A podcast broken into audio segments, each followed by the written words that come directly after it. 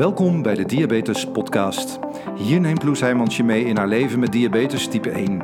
Loes kreeg zelf de diagnose op haar twintigste.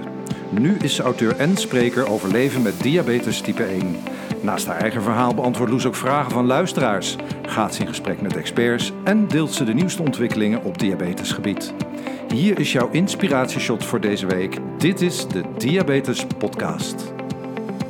Leuk dat je weer luistert naar een, uh, weer een nieuwe aflevering van de Diabetes Podcast. En vandaag belooft het ook weer een mooie aflevering te worden. Al uh, zeg ik het zelf. het is uh, een van de leukste dingen die um, ik vind aan het maken van de podcast. Is dat ik met zoveel mooie en verschillende uh, mensen in gesprek mag gaan. Dat, vond ik ook altijd een enorm, vond en vind trouwens, vind ik een enorm voorrecht bij het maken van uh, Diabetes TV bijvoorbeeld. Maar ja, ook dus in, uh, in deze podcast. En er zijn zoveel toffe, inspirerende en positieve mensen te vinden in diabetesland. Dat, dat geeft mij altijd enorm veel energie. En ik hoop jou als luisteraar daarmee ook. En ook vandaag heb ik dus weer iemand te gast die vanuit zijn eigen ervaring op een hele andere manier met zijn, met zijn diabetes is gaan leven en, uh, en die ervaringen online deelt.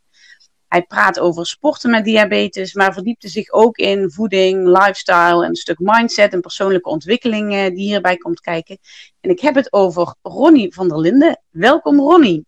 Goeie, goeiedag Loes, leuk om er te zijn ja, heel fijn, uh, heel fijn dat je er bent. En um, nou ja, we gaan uh, uh, alles horen over wat jou beweegt om zo actief te zijn ook in de, in de diabetes community. Maar voor de mensen die jou nog niet kennen, kun jij jezelf even kort voorstellen? Dat zal ik doen. nou, mijn naam hebben jullie al meegekregen. Ronnie van der Linden. misschien ook wel bekend als Ronnie's Dosis. ik ben 29 jaar. ik woon in Den Haag met mijn vriendin. Ik, uh, ik heb al 24 jaar type 1 diabetes. Uh, ja, en uh, daar uh, zet ik me eigenlijk qua informatie heel erg voor in om anderen mee te helpen. En um, nou, 24 jaar, je bent al een oude rot in het vak, zeg maar. ik heb wat um, meegemaakt. ja, ja, precies. Je, je, je, draait al heel wat jaren mee. Kun je iets vertellen over um, uh, hoe jouw diabetesleven is verlopen tot nu toe? Want ja, als je vijf bent, als je de diagnose krijgt, ja. dan, uh, dan geldt voor jou misschien wel van hè, je weet niet anders. Maar, maar hoe ging dat uh, die afgelopen 24 jaar? Ja, dat is eigenlijk wel grappig dat je het zo stelt, van, van je weet niet anders. En ik wou dat dat, uh, het klinkt gek, maar ik wou dat dat zo was. Maar eigenlijk heb ik me in het begin daar helemaal niet mee bezig gehouden. Uh, ja, in het allerbegin wel, hè, toen ik het net uh, kreeg, om maar even zo te zeggen, toen er net de diagnose was gesteld. Toen hielpen mijn ouders natuurlijk uh, tot op zekere hoogte, tot zover zij konden. Maar ja, op een gegeven moment kom je in je, in je, in je tienerjaren. En, en voor mij was dat de grootste uitdaging. Ja, volgens mij is dat nog steeds wel bij heel veel mensen het geval als ze jong diabetes krijgen. Maar um, ja, vooral bij mij destijds. Ja, ik wilde er toen helemaal niet mee bezig zijn, joh. Ik was lekker, um, lekker buiten aan het skaten. Uh, doen wat al mijn andere vrienden deden zonder erbij na te denken. Dat wilde ik ook helemaal niet. Um, dus in het begin, ja, dat zag je ook terug in mijn bloedsuikers natuurlijk. En in mijn HbA1c, die was, uh, die was gigantisch hoog. Ik zat continu te hoog. Maar ja, mijn lichaam voelde er, ik was jong, voelde er prima bij destijds. Zeker, nou ja, dan kan, dan kan je nog wat hebben, om maar even zo te zeggen. Um, ja, daar, heeft echt wel een ommekeer in moeten plaatsvinden voordat ik uh, de persoon ben geworden die ik nu ben. Ja, want is dat dan een soort gewenning dat je ook altijd te hoog zit? Of? Nou ja, daar, daar kan je lichaam in, in zekere hoogte wel aan wennen. Uh, dat heeft te maken met je zenuwstelsel, ja. Um, daarom zie je ook wel eens dat mensen hypo-unaware zijn. Hè? En, en, dat komt dan omdat ze eigenlijk regelmatig uh, te laag zitten. Nou ja, dat kan ook de andere kant op, dat je regelmatig te hoog en langdurig te hoog zit. En dan gaat je lichaam dat een beetje zien als de nieuwe normaal. En dan zie je dus ook vaak bij mensen die heel erg vaak lang te hoog zitten, dat wanneer zij weer moeten, uh, of, of, hun diabetes beter onder controle krijgen of moeten krijgen, en dan vaker normale waarden hebben, dat ze dan in het begin zich eigenlijk laag voelen en helemaal niet zo lekker. Maar dat, dat uh, moet zich dan herstellen, omdat dat uiteindelijk de nieuwe normaal is. En dan heb ik het natuurlijk over tussen de 4 en de, en de 8 uh, ja. zit je dan. Maar dat, uh, dat is ja, voor het lichaam wel, die is daar vrij adaptief in qua, qua symptomen en gevoelens. Ja, en, en was dat voor jou, um, ja, je wilde in je, in je puberteit uh, natuurlijk gewoon meedoen met je vrienden, wat je ook beschrijft. Zat er ook een schaamte ja. op diabetes? Uh, schaamte? Nou, eigenlijk niet, want, want ik ben ook nooit raar of anders aangekeken door mijn vrienden daardoor. Maar dat is ook omdat ik het niet heel erg liet blijken. Um, kijk, in, in, in hun ogen destijds was het: oké, okay, Ronnie gaat eten bij, wat, wat zal het zijn, de McDonald's of uh, een roze koek, noem maar op. En ik prik ervoor. Alleen, ja, ik zelf wist totaal niet hoeveel ik moest hebben. En als ik iets voelde, dan keek ik wel hoe ik me op dat moment voelde en of ik het moest corrigeren. Um, maar dat, dat, dat, voelen deed je niet meer zo accuraat, zeg maar. Dus, en dat ging de hele dag door. Dus je zat heel lang in, in rollercoasters. Ja, mijn vrienden die merkten er niet echt iets van destijds. Omdat ik ook niet het was niet zo dat ik continu in een coma lag of in een, uh, dat ik helemaal niks meer kon doen. Dus om een of andere reden kon ik daar wel uh, vrij goed mee wegkomen, gelukkig. Uh, maar het is niet dat, uh, nee, ja, wat ik zeg, ze zagen er niet echt vanaf, dus er hing ook niet echt een schaamte voor mij. Maar dat ik het niet had geaccepteerd, dat was duidelijk vanuit mezelf destijds. Mm. En um, nou ja, op een gegeven moment is daar een, een ommekeer in gekomen. Want nu hè, ben je super actief en, en deel je je kennis en ervaringen ook met anderen. Maar, maar waarin zat hem dat? Wanneer kwam die ommekeer? Um, die kwam toen ik een jaar of 23 was. En toen werd er bij mij beginnende nierschade geconstateerd. Uh, daarnaast had ik ook uh, best wel wat overgewicht. Uh, maar vooral dat eerste, daardoor dacht ik wel, wacht even, ik ben 23 en ik mag dan wel niet um, leven zoals een, uh, een heilige. Maar zo jong en beginnende nierschade, dat, dat zie ik ook niet zitten. Want nou ja, vooral omdat ook um, in mijn nabije omgeving ook iemand, niet door diabetes overigens, maar um, vergevorderde nierschade had zag ik hoe het was om aan bijvoorbeeld de dialyse te liggen en te moeten wachten op een nieuwe nier. Nou, gelukkig is met diegene nu alles goed gekomen, ook met een nieuwe nier, dus daar ben ik heel dankbaar voor. Maar dat gaf me wel een heel concreet beeld welke kant het op zou kunnen gaan mogelijk, als ik niet de verantwoordelijkheid nam voor die conditie. Ja. Um, dat was eigenlijk onderdeel 1 van, uh, nou ja, ik, ik, moet het wel accepteren en ik moet er wel mee, mee omgaan en uh, hands-on te werk gaan. Maar ja, anderzijds eh, waardoor die acceptatie, of nou ja, vooral, vooral de behoefte kwam om het uh, aan te grijpen, was toch wel dat ik nou ja, rond 23, 24, ik werd persoonlijk wat volwassener. Ik wilde wat meer, meer doelen bereiken. En zo ook rond sport. Um, en, en dat ging niet zo goed als je als je, diabetes niet, niet heel erg goed weet te controleren. Um, dus daardoor kreeg ik ook een soort van behoefte om er meer uit te halen en me er niet door te laten tegenhouden nou ja, die twee dingen hebben het eigenlijk aangewakkerd rond die tijd. En, en ja, dat heeft zich uiteindelijk uh, doorgezet in uh, meer uh, bewustzijn en, en kennis over alle andere leefstijlcomponenten die ermee te maken hebben om het, uh, ja, niet alleen het diabetesmanagement dus aan de ene kant te optimaliseren, maar daarmee ook al die andere dingen op gebied van leefstijl. Mm. Want, want hoe pakte je dat uh, aan toen je uh, meer wilde gaan sporten? Was het een beetje trial and error of ging je juist eerst heel erg inlezen? Hoe heb je dat, uh, hoe heb je dat aangepakt? Ja, in, in het begin was het absoluut trial and error. En, en ik denk dat daar heel veel mensen mee beginnen. Want ehm, ja, je, je moet eigenlijk ook leren natuurlijk welke informatie je of betrouwbaar is en je tot je kan nemen. Zeker tegenwoordig in die overvloed aan informatie op, op, op internet of op mensen die je spreekt. Het, mm het, het, lijkt wel steeds moeilijker te worden wat dat betreft. Maar, ehm, dus in het begin was het zeker trial and error.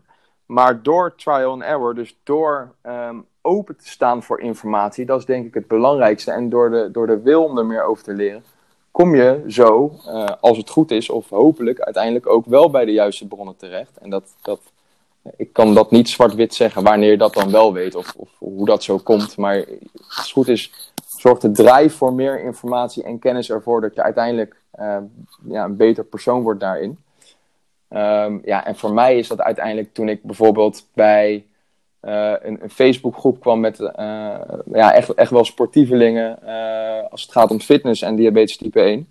En mhm. die, vanuit die hoek, die weten me dan weer te wijzen naar bijvoorbeeld de wetenschappelijke publicaties of überhaupt boeken uh, over diabetes en, en, en uh, krachttraining, bij wijze van spreken. En, en zo ga je dus door anderen die het hebben meegemaakt of meemaken, een stap verder zijn bijvoorbeeld, ehm, ga je kijken naar wat is er nog meer beschikbaar en wat kan jij daaruit halen en, en hoe gaat het dan als jij dat toepast in de praktijk? Ja, ja het is natuurlijk voor iedereen uh, heel erg verschillend. En ook de manier van informatie tot je nemen. Hè? Want, want jij zegt dat van nou, ik ging echt heel gericht op zoek. En uh, ook met wetenschappelijke artikelen. En dat is natuurlijk ook niet aan iedereen besteed. En dan heb ik mezelf meteen als voorbeeld. Want ik heb daar dan mhm. echt het geduld niet voor om daar bijvoorbeeld helemaal in te duiken en dat te analyseren. En, en uh, ik ben inderdaad ook een beetje van de trial and error. En, en dan met, met mijn eigen ervaringen steeds een stukje verder komen. Maar ja. ik denk, ja, dat is ook voor jou misschien een reden geweest om het op um, een eenvoudig en makkelijk te begrijpen manier over te gaan brengen aan anderen, of niet? Ja, in, in, in de hoek van, uh, van leefstijl wel. Maar wat, wat jij zegt is wel interessant. Want um, ik zet daar zelfs mijn vraagtekens bij. Want ik denk dat iedereen wel een bepaald um, iets wil bereiken. Of een bepaalde why kan hebben. Om, om toch uh, in ieder geval in, in die richting heel erg uh, de informatie te zoeken. En ik weet niet of dat zo is hoor. Dus ik vraag het aan jou. Maar bijvoorbeeld toen jij um, zwanger was, had jij toen niet de behoefte om heel erg daarover in specifiek met diabetes alles te willen weten?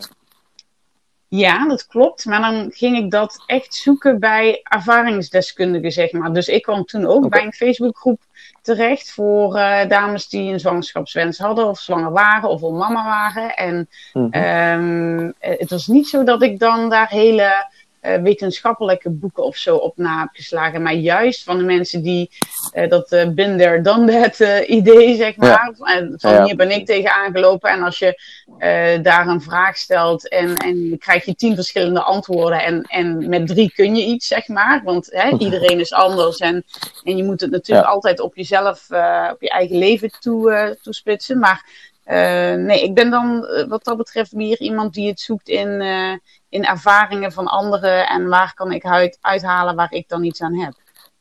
Dat begrijp ik. En, en um, daarin verschillen wij denk ik dan ook. Hè, dat hadden we toevallig laatst op Instagram ook al een, een klein beetje besproken met, uh, met de data analyseren en zo. En daar heb je ja. Dus ieder, ieder, iedereen is goed recht wat dat betreft natuurlijk. Maar wat ik wel erin zie, is dat je wel de behoefte krijgt om over dat onderwerp informatie te zoeken. Of het nou van een ervaringsdeskundige ja. is, of ja, in mijn geval, ik ga daar dan misschien inderdaad een stapje verder en dat zal dan mijn karakter zijn. Um, maar het is, het is, je hebt wel een drive om, om meer te willen weten dan wat je op dat moment uh, wist voordat je er aan, aan begon. Ja. Um, en, en dat komt denk ik in dit geval door die, door die why, door waarom wil je het, wil je het beter doen. Um, ja, kijk, en het kan ook zo zijn dat door het spreken met die ervaringsdeskundigen, misschien had je daar wel voldoende aan, hè? dat kan ook. Mm -hmm. dat, dat kan natuurlijk ook. Ik had destijds niet voldoende aan het spreken met ervaringsdeskundigen in Nederland erover, want die waren er helemaal niet zo heel veel. Mm -hmm. Dus dan ga ik al snel verder kijken. En als die ervaringsdeskundige tegen mij zegt, je moet ook eens daar kijken, ja, zo is dat balletje gaan rollen voor, voor mij. Ja. Dus dat, dat is uh, waar het voor mij in zat. En is dat ook um, de manier geweest waarop jij um, erachter kwam dat ook bijvoorbeeld voeding en, en uh, bijvoorbeeld mindset zo belangrijk waren in dit totaalplaatje? Um, gedeeltelijk, ja. Ik, eh, kijk, voor sport is, is voeding uh, cruciaal afhankelijk van je doel. Hè? Of dat nou het, verliezen van vet is of bijvoorbeeld het groeien van spier. Daar moet je ontzettend veel over voeding weten. Alleen het mooie is dat dat tussen aanhalingstekens mooi is, dat dat natuurlijk aansluit op dat je voor diabetes ook best wel veel over voeding moest weten. Mm -hmm. um, dus daar leerde ik heel veel uit. Maar het stukje mindset, dat kwam bij mij echt pas later. Um, want uh, pas toen ik mijn, dat is gek genoeg, pas toen ik mijn diabetes had geaccepteerd, toen ik er, um, ja, toen ik het omarmde en het wilde optimaliseren voor het halen van doelen, toen kwam ik pas uiteindelijk tegen bepaalde uh, muren aan te lopen. Uh, waar ik me mentaal dan weer moest overheen uh, tillen, om maar even zo te zeggen. Mm -hmm.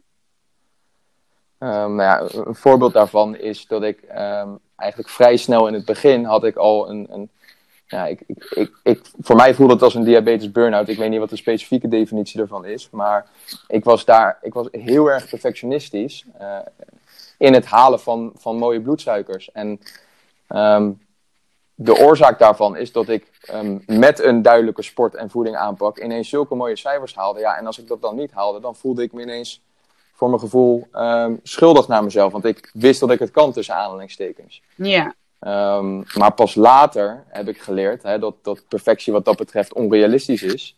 En dat eh, zeker het leven eh, je verrast met allerlei mooie, uh, onvoorzienbare situaties. Waarbij je ook helemaal niet altijd volgens een bepaalde routine of nou ja, volgens een bepaalde routine kan, kan eten of bewegen of noem maar op.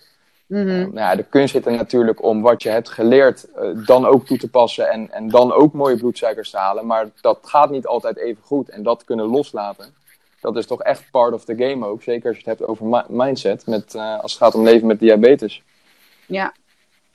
En je had het net, uh, um, je zegt er kwam echt een moment dat ik mijn diabetes accepteerde. Was dat uh, voor of na deze ja, soort van diabetes burn-out? Kun je dat... Ja, dat, dat was daar, daarvoor al. Ehm, dus eigenlijk eerst toen ik in mijn, in mijn tienerjaren er een beetje met de pet naar gooide. Toen beginnende nierschade kreeg. Toen ehm, begon ik, uh, want toen had ik dus ook een beetje overwicht. En toen dacht ik, nou ja, ik, ik wil gaan sporten. En tegelijkertijd wil ik mijn diabetes beter gaan controleren. Um, en, en wat je ziet, eh, is dat door het feit dat ik um, ben gaan sporten en meer op mijn voeding ben gaan letten, kreeg ik betere bloedsuikers. En dat hielp mij, gek genoeg, ook bij het zelfvertrouwen creëren en daarmee ook accepteren van diabetes. Mooi. Dus, uh, maar daarna, door perfectionisme, perfectionisme eigenlijk daarin, sloeg dat door. Dus toen kreeg ik Ja. een burn-out, maar daar ben ik juist wel weer uitgekomen. Ook ervan geleerd te hebben. Je moet niet te extreem gaan in het hebben of eh, proberen te behalen van altijd maar ehm superbloedsuikers. Want dat is niet te doen. Dat kan niemand. Nee. Ehm, dus dat is meer een, een mindset, mindsetles die later kwam. Eh, maar op dat punt had ik diabetes wel al geaccepteerd. En ik, ik wist ook dat als ik eh, eh, er alles uit wilde halen, dat ik ehm, ja, gewoon in elk, elke factor van mijn levensstijl eh, er rekening mee moest houden. En wat ik ook zei net, eh, dat zolang je rekening houdt met diabetes, alles qua levensstijl ook weer beter gaat. Dus het is echt een, een- wisselwerking. En dat leerde ik, dat leerde ik wel na die burn-out, ja. Ja. En kun je zeggen dat je daar nu de balans in hebt gevonden? Ik moet zeggen dat ik daar. Kijk, ik, ik, ik, ben, ik, ben, geen, ik ben ook maar een mens. Hè, dus ik, maar ik, ik, eh, met karaktereigenschappen en ik laat mezelf ook af en toe gaan wat dat betreft. Eh, maar ik heb daar zeker wel een, een, een, goed aantal flinke stappen in gemaakt. Ik ben daar meer in balans in. Ik denk ook dat dat komt omdat ik nu eh samenwoon met mijn vriendin. En die heeft. die, die kan natuurlijk ook een soort van. Tussen aanleidingstekens normale spiegel voor me houden. Hoe, hoe je. ehm, zonder diabetes naar een bepaalde situatie zou kunnen kijken. Eh, dat, gek genoeg helpt dat af en toe ook wel. Maar ik heb daar, ja, wat ik zeg, ik heb daar zeker een, betere balans in kunnen vinden. Eh, bijvoorbeeld als je op vakantie gaat of uit eten gaat of, of eh, een spontane avond met vrienden. Ja, ik, ik zal nooit diabetes in zo'n situatie even vergeten en kijk wel wat, wat, wat er morgen op de, op de teller staat. Absoluut niet. Want ik wil ook gewoon gedurende zo'n evenement me goed voelen en er volledig bij Mhm. zijn. Dus op dat moment neem ik mijn verantwoordelijkheid en manage mijn diabetes. Maar als het dan niet zo gaat zoals ik had gehoopt, dan accepteer ik dat en probeer ik het op te lossen naar de beste van mijn kunnen en gaan we gewoon verder. Ja. Dus, dus daarin heb ik wel een, een balans gevonden, maar dat heeft wel, heeft wel geduurd, ja. Ja, mooi, want als ik dat nu eh, als jouw Instagram-post eh, erbij pak, zeg maar, en eh, zie ik je de ene keer in de sportschool en de andere keer met een hele tafel vol eten voor je, en denk ik, ja, volgens mij is, daar, eh, is dat eigenlijk best wel prima in balans en, en ben je daar ook niet, ja, ben je daar eh, op een hele goede manier mee bezig, zo moet ik het zeggen. Maar ja, laat je ook zien dat dat gewoon ook naast elkaar kan bestaan. Absoluut. Absoluut. En dan moet ik wel heel eerlijk bekennen, ik, ben, ik probeer altijd open en transparant te zijn in alles hè, wat, ik, wat ik communiceer. Want ik denk dat dat een belangrijk onderdeel is van als je iemand probeert te helpen met informatie.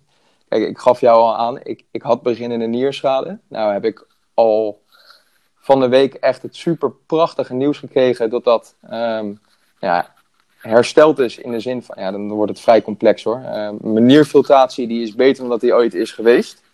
Oh, wauw. Ehm, en ik plas geen eiwitten meer uit. Dat waren eigenlijk de twee dingetjes die, die voorheen niet goed waren. Die zijn nu weer helemaal goed. Ja. ja. en, dat, en dat komt in mijn specifieke geval door ehm, behoorlijk plantaardig te gaan eten. Ehm. Ik wil daarmee niet zeggen dat dat voor iedereen eh, bedoeld is eh, of geschikt is.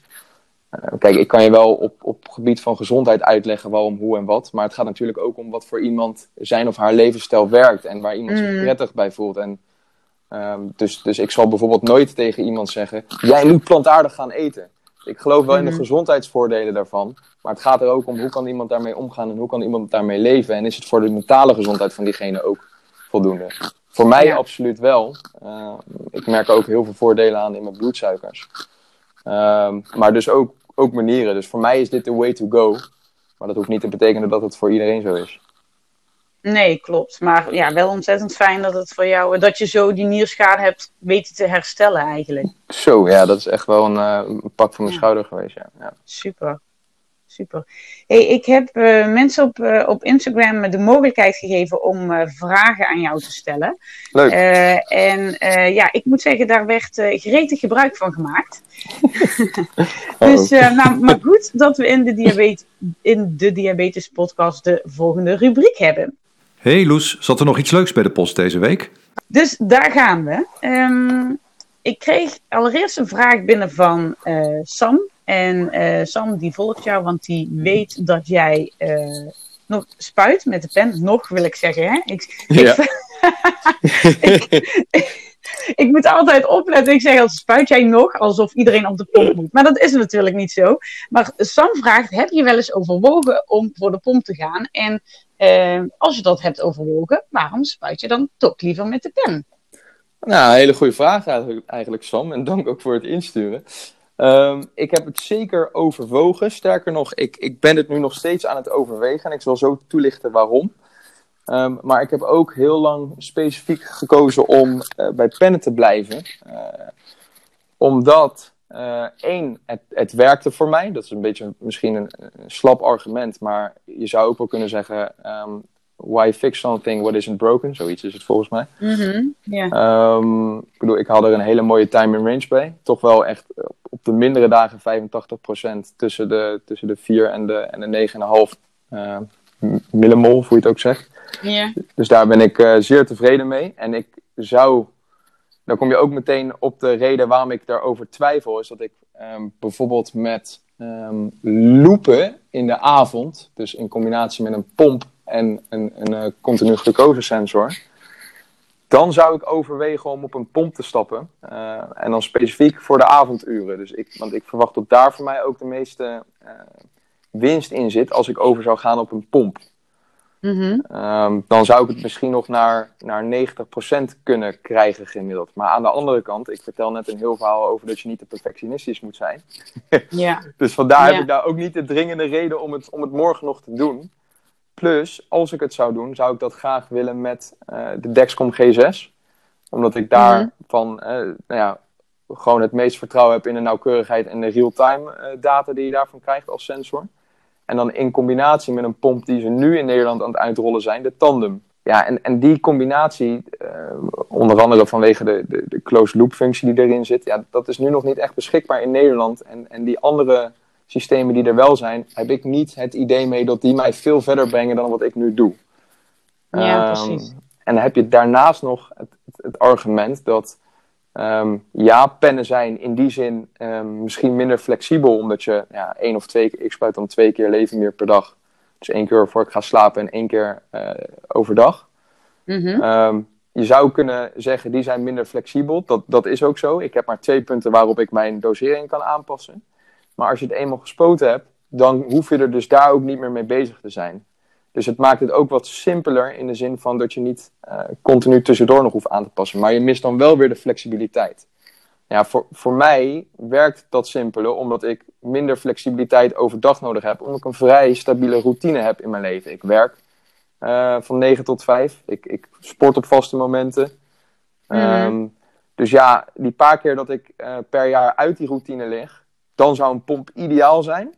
Ehm, maar daartegenover staat dus dat ik, als je een pomp hebt, heb ik het idee dat je er overdag misschien meer mee bezig bent, omdat dat kan. Ik zeg niet dat je het hoeft te Mhm. doen, maar ik, mezelf kennende zou ik dat wel doen. Ja, dat, dat is het Ja. voor mij op dit punt niet waard. Tenzij die technologie dus zo goed is. eh, zoals ik bijvoorbeeld met die, met die tandem of eh, in combinatie met die G6 wil. ja, dan, dan overweeg ik over te stappen. En omdat dat nu in Nederland uitgerold wordt, nou ja, moet ik sowieso nog een, een, een langdurig een krijgen natuurlijk. Zou ik dat willen uh, bewerkstelligen. Maar daarvoor zijn ze vergoeding natuurlijk. Ja, uh, er zijn wat mitsen en maren inderdaad. Ja, precies, maar je wacht ja, je gewoon tot het, het perfecte systeem op de markt komt. Ja, dan, en dan, uh, dan vind ik het uh, een echte overweging waard. Maar op dit punt ben ik prettig waar ik ben, omdat het werkt en omdat het, het simpel houdt voor mij. Ja, nou mooi.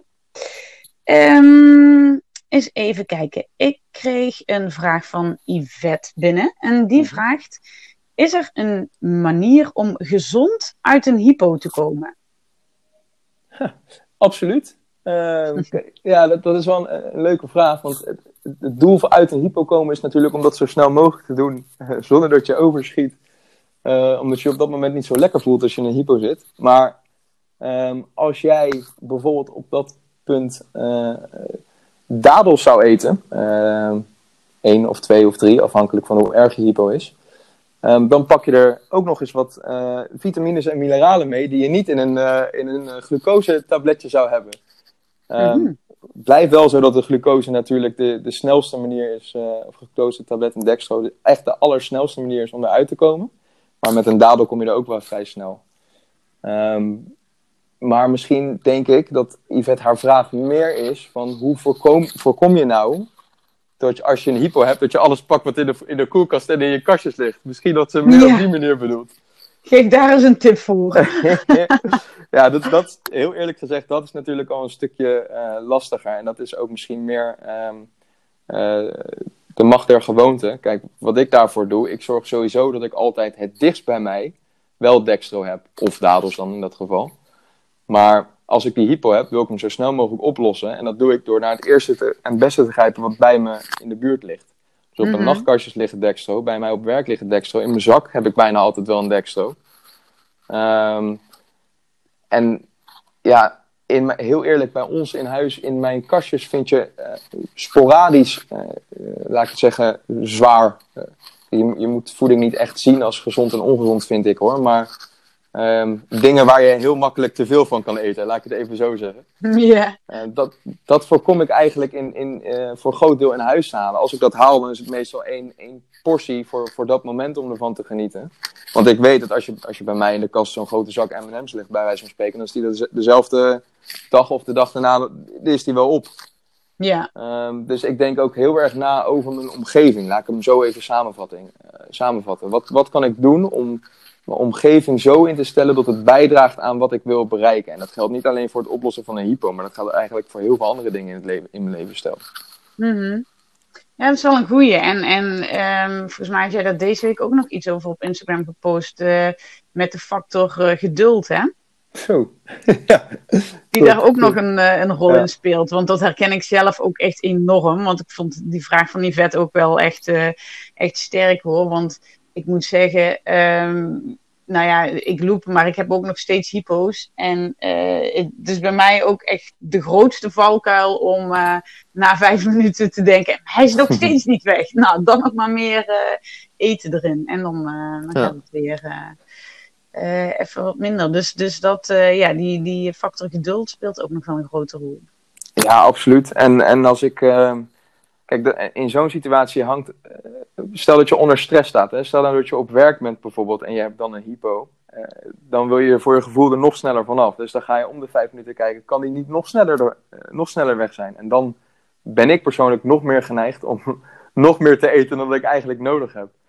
Ja. Maar wat in, in, in zo'n misschien stressvollere situatie dan dat je bijvoorbeeld thuis zou zijn, zou kunnen helpen, is er als je de de hypo oplost hè, met een eerste uh, correctie, dus een eerste aantal tabletten, is om dan echt even, als het kan hoor, ertussenuit te stappen. Um, dus dat je echt even de rust opzoekt. Mijn part ga je naar het toilet op je werk of weet ik veel wat. Dat je echt even tot jezelf komt, want dan kan je je gedachten even op een rijtje zetten.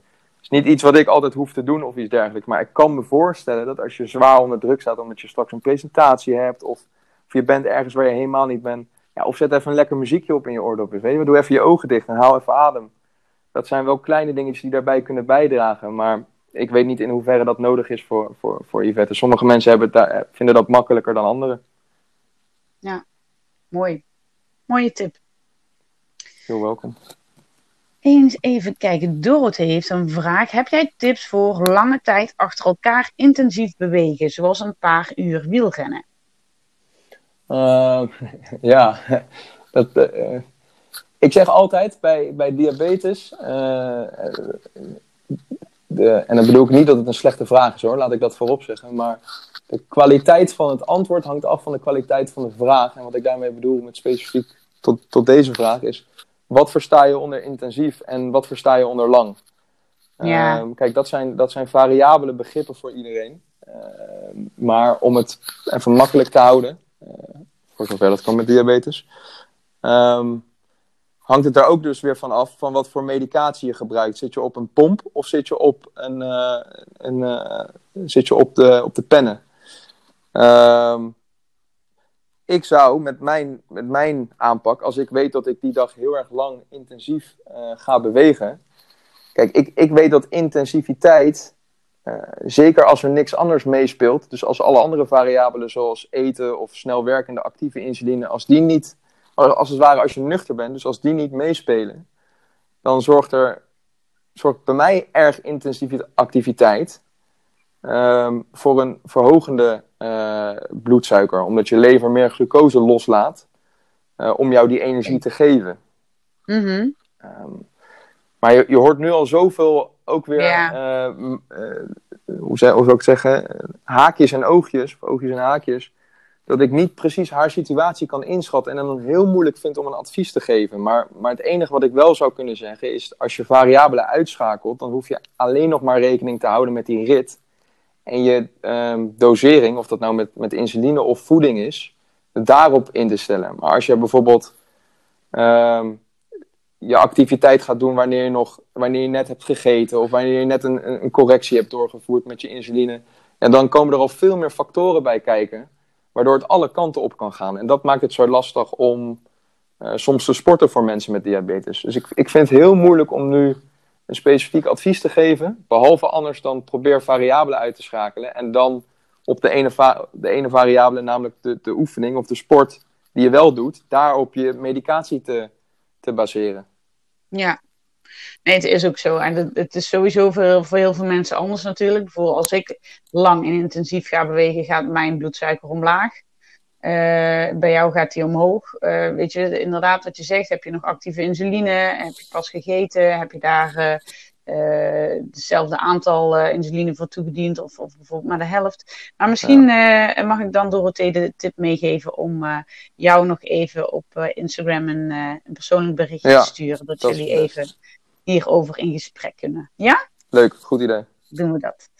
Um, Marije stelt de vraag: waarom is afvallen voor iemand met uh, type 1 diabetes lastiger dan voor iemand zonder? Waarbij mijn vraag eigenlijk er meteen achteraan komt: is dat zo? Hou van deze vraag. Um, ja en nee, in de zin van. Uh, uh, ja, het is lastiger omdat je ook je bloedsuikers moet managen. En pas als je bloedsuikers gemanaged zijn, of naar uh, zekere zin, hè, dus, dus als je vrij goed je bloedsuikers weet te managen, dan pas werkt je uh, metabolisme uh, zoals bij iemand zonder diabetes. Maar dan heb je natuurlijk nog altijd de uitdaging dat afvallen sowieso niet zo heel makkelijk is. Mm -hmm. um, maar als je dat stukje eruit rekent, dus stel dat jij je diabetes gewoon goed weet te managen, dan hoeft het niet lastiger te zijn. Want dan komen dezelfde uh, uitdagingen en, en oplossingen in je levensstijl erbij kijken als iemand zonder diabetes. Um, dus ik, ik denk dat we met een aantal vervolgvragen daar misschien wat beter op in kunnen, kunnen duiken. Ik weet niet of je daarvoor open staat, Loes. Ja, nee, zeker. Nou ja, wat, wat ik zelf al uh, denk, want ik had deze overtuiging ook, uh, ook heel lang. Ja. Ik wilde afvallen en, en dat lukte niet. En ik dacht altijd maar van ja, zie je wel, dat komt door, door diabetes. Maar ik mm. denk, en dan komen we ook meteen bij een stukje mindset. Als je dat denkt, dan lukt het sowieso niet. Want die diabetes gaat niet weg. Dus als jij denkt van ja, ik nee. kan niet afvallen, want ik heb diabetes, nou, dan, dan ga je dus ook niet afvallen. Nee, absoluut. Kijk, als je. Hetzelfde wat ik al eerder zei met betrekking tot bloedsuikers. Als je het eenmaal hebt geaccepteerd, uh, hebt omarmd, dan ga je het optimaliseren. En daaruit komen. Uh, dat doe je door kennis bijvoorbeeld op te doen en dat toe te passen. Daaruit komt resultaat en dat geeft vertrouwen. Nou ja, hetzelfde geldt andersom natuurlijk. Als jij er geen vertrouwen in hebt, eh, dan volgt het resultaat ook niet. Ja. En dan vind je het steeds moeilijker om ermee te leren leven. Ehm, ja, als we specifiek op de vraag ingaan, is, is het moeilijker voor iemand? eh, kijk, om af te vallen met diabetes, waar het heel erg om gaat, is, eh, is dat je ehm, je insulinedoseringen ehm, moet weten aan te passen op basis van ehm, wat jij eh, doet om af te vallen en, en hoeveel eh, vet je daarbij verliest. Wat ik bedoel te zeggen is, als je dat niet doet, dan word je dus een stuk insulinegevoeliger. En als je je dosering dan niet aanpast, dan krijg je een stuk meer hypo's. En nu Mhm. zal 1, 2 of 3 hypo's in de week zal niet ex- extreem veel schelen in, je, in, je, eh, in, je, in het behalen van je doel. Tenzij je die hypo's natuurlijk zwaar overcorrigeert met veel te veel eten. We Maar dan, bij... dan eh, bouwt het zich op. Ja, precies. Maar dan, dan bouwt het zich op. Maar ja, kijk, stel dat jij eh, drie hypo's hebt die, je- die je oplost met ja, in totaal 50 tot 150 calorieën. Ja, dat, dat is een, een, een- puntje op de, op de horizon in het totale plaatje, als het ware. Ehm, maar het gaat er dus wel om dat je je ehm, insulinedoseringen weet af te bouwen samen met het gewicht wat je steeds verliest. Want als je dat niet doet, dan blijf je hypo's krijgen. Hè? En daarmee dus Mhm. ook dat, dat noemen ze, eh, daar heb je een mooie term voor, dat noemen ze feed the insulin. Ehm, kijk, je hebt ook Mm. wel vaak de, de, de uitspraak dat, of heel veel mensen denken dat insuline je, je dik maakt, maar dat vind ik echt een, een hele moeilijke ehm, eh, discussie wel, maar in feite is dat niet waar. Kijk, je, je, stel dat je geen diabetes type 1 hebt, dan maakt je lichaam precies zoveel insuline als nodig aan om de dingen te doen die diegene wil doen. Als dat vetverliezen is, dan neemt hij voor bepaalde activiteiten, hoeft hij, hoeft hij ook minder insuline aan te maken. Dus dat lichaam past zich automatisch aan. Maar insuline transporteert alleen de voeding en de, en de, eh, de energie die jij het lichaam geeft. En anderzijds ook ehm, welke de lever geeft, afhankelijk van welke stressfactoren daarbij komen kijken. Dan laat het lever ook natuurlijk glucose los, maar dat is ook bedoeld als energie. Dus die transporteert die. Maar als jij te veel insuline spuit als iemand met diabetes type 1 zijnde, dan krijg je dus een lage bloedsuiker, moet je die oplossen. Ehm, als je die continu oplost met te veel eten, ja, dan, dan verlies je geen vet. Ehm, maar waarom heel veel mensen zeggen dat insuline dik maakt, is als ze eh, nog niet gediagnosticeerd zijn met diabetes type 1, zijn ze in het begin best wel veel gewicht verloren. En dat komt omdat ze chronisch hoge bloedsuikers hadden. mm, Het gevolg van chronisch hoge bloedsuikers is dat het lichaam cellen gaat afbreken. Vet, spier, maakt niet uit wat. En het laatste wat je eigenlijk wil afbreken als je vet aan het verliezen bent, is spiercellen. Maar dat is een heel ander verhaal, daar kom ik zo nog wel op terug. Maar je, je, je verliest dus gewicht, niet zozeer vet, maar je verliest gewicht. En op het moment dat je dan gediagnosticeerd bent en je begint aan je therapie, dan ga je dus voor het eerst weer insuline spuiten, of insuline in je lichaam krijgen. En gaat je lichaam ineens alle eh, vitamines, voeding, energie, mineralen uit dat eten wel opnemen en naar de juiste cellen brengen. En dan komen mensen ineens aan. Terwijl wat er in feite gebeurt, is dat het lichaam nu eindelijk weer werkt zoals het hoort te werken. Ja. En dan kan het zijn, ik zeg niet dat dat zo is, dat is per individu anders. Dan kan het zijn dat je misschien te veel eet. Of dat jij naar een gewicht gaat waar jij persoonlijk niet blij mee bent. Maar mhm. kijk, daar kan ik weinig over zeggen verder natuurlijk. Of dat voor iemand zo geldt, of iemand Ja. daar inderdaad niet of wel blij mee is. Maar dat, dat is puur de, de, de, de manier waarop het werkt. Insuline vervoert alleen wat jij in hem brengt. En als dat te veel is, te veel eh, eten is om te, wat hij vervoert, dan kom je uiteindelijk over een periode heen aan, hè, te veel calorieën. Maar als het eh, te veel insuline is, dan krijg je veel hypo's, moet je nog meer bij eten. Ja, dat is een wisselwerking. En dat maakt het voor sommige mensen wel lastiger om af te vallen met diabetes. Het hoeft geen drempel te zijn. Absoluut niet. Het gaat er gewoon om dat je weet hoe je die dosering moet aanpassen. En Ja. ehm, ook de andere kant op dus. Dus ook dat je voorkomt dat je hypers krijgt. Want je hebt, je hebt ook een serieuze eh, eetstoornis. Hè? Voor mij heet die diabulimia. Waarbij ja, mensen klopt. eh, Ja.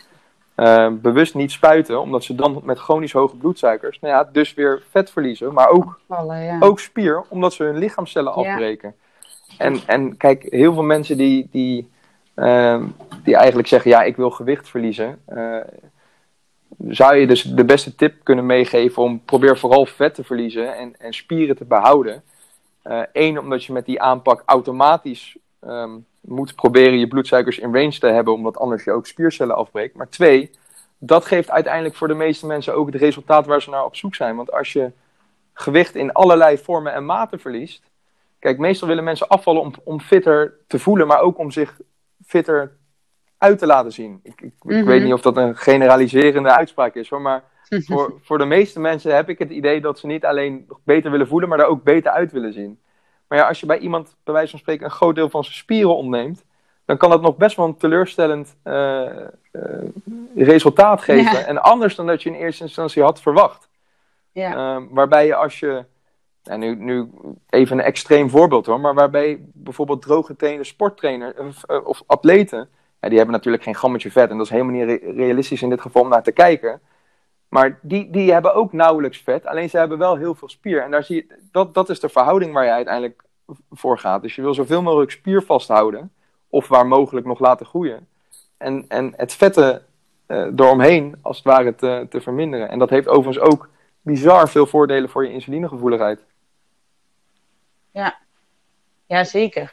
Hey, maar eh, dit, ehm, voordat we iets te ver ingaan op eh, dit onderwerp, want ik weet dat jij hier nog een uur over kunt praten. En misschien gaan we dat ook gewoon in een andere podcast nog een keer doen. Maar jij hebt hier ook een e-book over geschreven, toch? Ja, klopt. eh Fit met Diabetes e-book. Ehm, en eigenlijk ook specifiek met de reden dat toen, toen ik op zoek ging naar al die informatie, want ik gaf al aan het begin van de podcast, ik had in het begin ook wat overgewicht. Ik was iets over de 100 kilo. En ehm, ja, ik, ik wilde dus ook vet verliezen. Dus ik ging inderdaad door trial and error. Ik ging na het eten eh, en, en prikken ging sporten. Dikke hypo, moest je hem weer corrigeren. Ehm, Mhm. Ik wist ook niet per se wat ik moest eten, waardoor ik lang verzadigd was. En, en ik wist überhaupt toen nog niet dat, eh, dat ik bijvoorbeeld rekening moest houden met, met eh, eiwitten voor, voor, voor spiermassa of calorieën voor totale energie, noem maar op. Ehm, dat ging ik opzoeken en toen, daar kan je veel informatie voor vinden voor iemand die niet diabetes type 1 heeft. Maar dat stukje, het aanpassen van je insulinedoseringen en hoe voorkom je nou dat je tijdens het sporten hypo's en hypers krijgt en bij welke sport geldt dan het een en welke sport geldt het ander Mhm. en wat kun je daaraan doen om je eigen aanpak, want daar gaat het ook om. Hè? Heel veel mensen zeggen altijd, ja voor mij, voor mij werkt diabetes anders, want ik krijg altijd dit als resultaat. Maar wat je in feite ziet is dat, ehm, even los van man of vrouw, werkt ons lichaam vrij, vrij identiek. Alleen wat je erin gooit, en dat zijn dus 42 factoren die je bloedsuikers kunnen beïnvloeden, die is Ja. bij iedereen anders. En daardoor Ja. de output dus ook. En het, Ja. ehm, eh, zelfs ik heb niet al die 42 factoren natuurlijk continu in zicht. Eh, en, en één zo'n factor kan al een andere uitslag geven. Dus dan, daarom hebben mensen zulke andere ervaringen met andere dingen die ze in hun leven proberen als het gaat om diabetes type 1. Maar onder de voorwaarde dat iemand in een exact dezelfde situatie zit, exact hetzelfde doet. Het enige wat dan verandert is in hoe snel diegene zijn bloedsuiker ehm, omhoog of omlaag gaat ten opzichte van die andere. Maar ze gaan dezelfde kant op. Daar kan ik je een briefje op Mm. geven. Maar dan moet Ja, dus, eh, dat, dat, dat kan je nooit na, nadoen natuurlijk. Want er zijn veel te veel factoren daar om rekening mee te houden. Ja, Maar wat ik met dat boek oog te doen, is dat iemand voor zijn eigen levensstijl, zijn eigen doelen, zijn eigen situatie, ehm, een eigen aanpak kan bedenken eh, en uitvoeren waar diegene mee eh, zijn doelen haalt. En toevallig is dit weekend eh, de honderdste verkocht, dus dat is superleuk nieuws. Ah, leuk. Wat goed. Ja. Nou ja, ook dus nog een tip voor Marije. Check dat e-book even, want wellicht dat je daar ook nog veel goede tips uithaalt. En dan ga ik naar de laatste vraag. En ehm, die is van Lydia. En die Oh, vraagt zich af: hoe houd je een gezonde leefstijl nou vol? Dus hoe leer je jezelf eigenlijk een nieuwe gewoonte aan? leer je jezelf eigenlijk een nieuwe gewoonte aan? Oh, wat een goede vraag. En ook niet zo makkelijk. Ehm, het zijn eigenlijk, voor mijn gevoel zijn het eigenlijk twee vragen. Hè. Je stelt ook twee vragen, maar die zijn vrij ander antwoord. Kijk, als je het echt specifiek hebt over gewoontes, dan moet je eerst bewust zijn van eh, de gewoontes die je nu hebt. Ja, Ehm, en, en of die bijdragen aan wat jij wil bereiken of niet. En als je een gewoonte wil veranderen, dan, dan is dat echt het beste om dat stapjesgewijs te doen. eh, voor de meeste mensen in ieder geval. En ook één gewoonte eh, tegelijk. Ehm, Mhm. en, en daarin ehm, telt de kracht van herhaling wat dat betreft. Dus dan, uh, stel dat je een, een uh, wat ik wel eens heb gedaan, is bijvoorbeeld op mijn koelkast een, uh, een kalender waarbij ik elke dag een, een, kruisje zet als ik een bepaalde gewoonte heb, heb uitgevoerd. Ja. En dan zo leer ik hem implementeren. Maar weet wel dat, stel dat jij een bepaalde gewoonte wil aanleren omdat dat zorgt voor een gezonde levensstijl. Het feit dat je die gewoonte kan volhouden, lukt eigenlijk alleen als jij mentaal er oprecht van overtuigd bent dat die gewoonte daaraan gaat bijdragen. Eigenlijk moet je, uh, en dat, dat is best wel lastig om dat bewust te doen, maar je hersenen moeten het idee hebben dat wanneer jij die gewoonte wel doet en wel in je levensstijl hebt geïmplementeerd en dus blijft doen, dat het echt daadwerkelijk een gewoonte is, dat daar meer resultaat voor jou uh, bij komt kijken dan wat je daadwerkelijk nu doet. En pas dan kan je je leven naar die gewoonte toe. Als, je, als die gewoonte voor jou voelt als uh, dat je dingen moet opgeven of dat het niet. Ja, dan kan je hem nooit gaan implementeren. Dan voelt het eigenlijk alleen maar als een, als een last die je moet uh, uh, uitvoeren. Is, ja. Does it make sense? Ja, nee, zeker. Ik, ik, ik denk, um, je moet iets heel echt vanuit je binnenste willen, zeg maar, om er sowieso mee aan de slag te gaan en om het een gewoonte te kunnen laten maken. En dat is, dat is denk ik wat jij uh, bedoelt. Ja, um, en, en je ik... moet daarbij ook het vertrouwen hebben dat als je dat eenmaal doet, dat het daadwerkelijk jou brengt wat je, wat je wil hebben. En als dat ja. stukje ook ontbreekt, dan, dan ga je het nooit doen. Nee, Nee, klopt. Maar en gewoon doen is ook, ook wel een ding, hè? Want um, ik bedoel, hoeveel mensen um, zeggen niet als ze willen afvallen, of misschien ook wel uh, beter op hun bloedsuikers willen gaan letten van ja, maar ik ga morgen beginnen. Na het weekend, weet je wel, dit weekend nog even niet, maar maandag dan ga ik er echt mee aan de slag. Maar je moet het gewoon, je moet het A willen en je moet het B ook gewoon doen. Want niemand doet het voor jou. En uh, Klopt um, ja, je, ja, je hebt maar één leven. Hè? Daar kun je maar beter het beste van maken. Denk Precies, ik ben ik helemaal met je eens. En ik, ik denk dat dat stukje weer terugkomt op je waarom je het doet. Kijk, als voor jou heel duidelijk is waarom je het wil doen, dan heb je dus een hele sterke intrinsieke uh, motivatie om ja. um, je diabetes beter te managen of te gaan sporten of meer te leren over voeding en daarmee vet te kunnen verliezen. Maar als ja. het voor jou uh, niet een hele sterke reden is, maar meer een nice to have, als het een nice to have is, dan komt het niet. Dan ga je het niet doen. Nee. Dan kan je, net zo goed, kan je net zo goed je tijd en energie ergens anders op richten. Ja, um, klopt. Het, ja, er moet een intrinsieke motivatie zijn. Dat klopt wat je zegt. Ja, ik, en ik las deze, ben zelf ook wel met een nieuwe gewoonte bezig. Maar dat is denk ik ook wel een nieuwe podcast uh, waard over een tijdje. Als, ik, als het lukt om hem vol te houden. Daarin las ik ook dat het uh, sowieso 30 dagen nodig heeft om echt ook tot een gewoonte te worden. Ik heb ook wel eens gelezen 100 dagen. Mm -hmm. Maar in ieder geval, ja, geef niet te snel op. Dat, uh, dat is natuurlijk ook wel, wel een ding. En, um... Oh, en dan heb ik nog een mooie aanvullende daarop ook, als ik je mag onderbreken. Ja, ja. Ge geef inderdaad niet te snel op. En als het een keer niet lukt, voel je dan ook absoluut niet schuldig ja. dat het niet lukt. Want je hebt, daarvoor Juist. heb je een miljoen dagen gedaan dat het je niet is gelukt. Nu zit je, laten we zeggen, tien dagen wel gelukt. Kijk eerder naar die tien dagen dat het je ineens wel is gelukt. In plaats van die ja. ene dag dat het je dan weer niet lukt. En ga daarna precies. gewoon weer verder met waar je was. En dan kom je er wel, zeg maar. Ja, eens. Nee, ja, dat, dat was inderdaad wat ik er ook nog achter uh, aan toe wilde voegen. Van geef, uh, geef niet te snel op en, en wees ook niet te streng voor jezelf. Wat je zegt, uh, als het één dag niet lukt, dan, dan is er daarna gewoon weer een dag. Nou, Lydia, zo moet het toch wel lukken met die nieuwe gewoontes. hou ons op de hoogte, zou ik zeggen. Um, ja, Ronnie, super bedankt. Ik denk dat we een paar mooie vragen hebben kunnen beantwoorden. En ik vond het heel erg tof om hierover met jou in gesprek te gaan.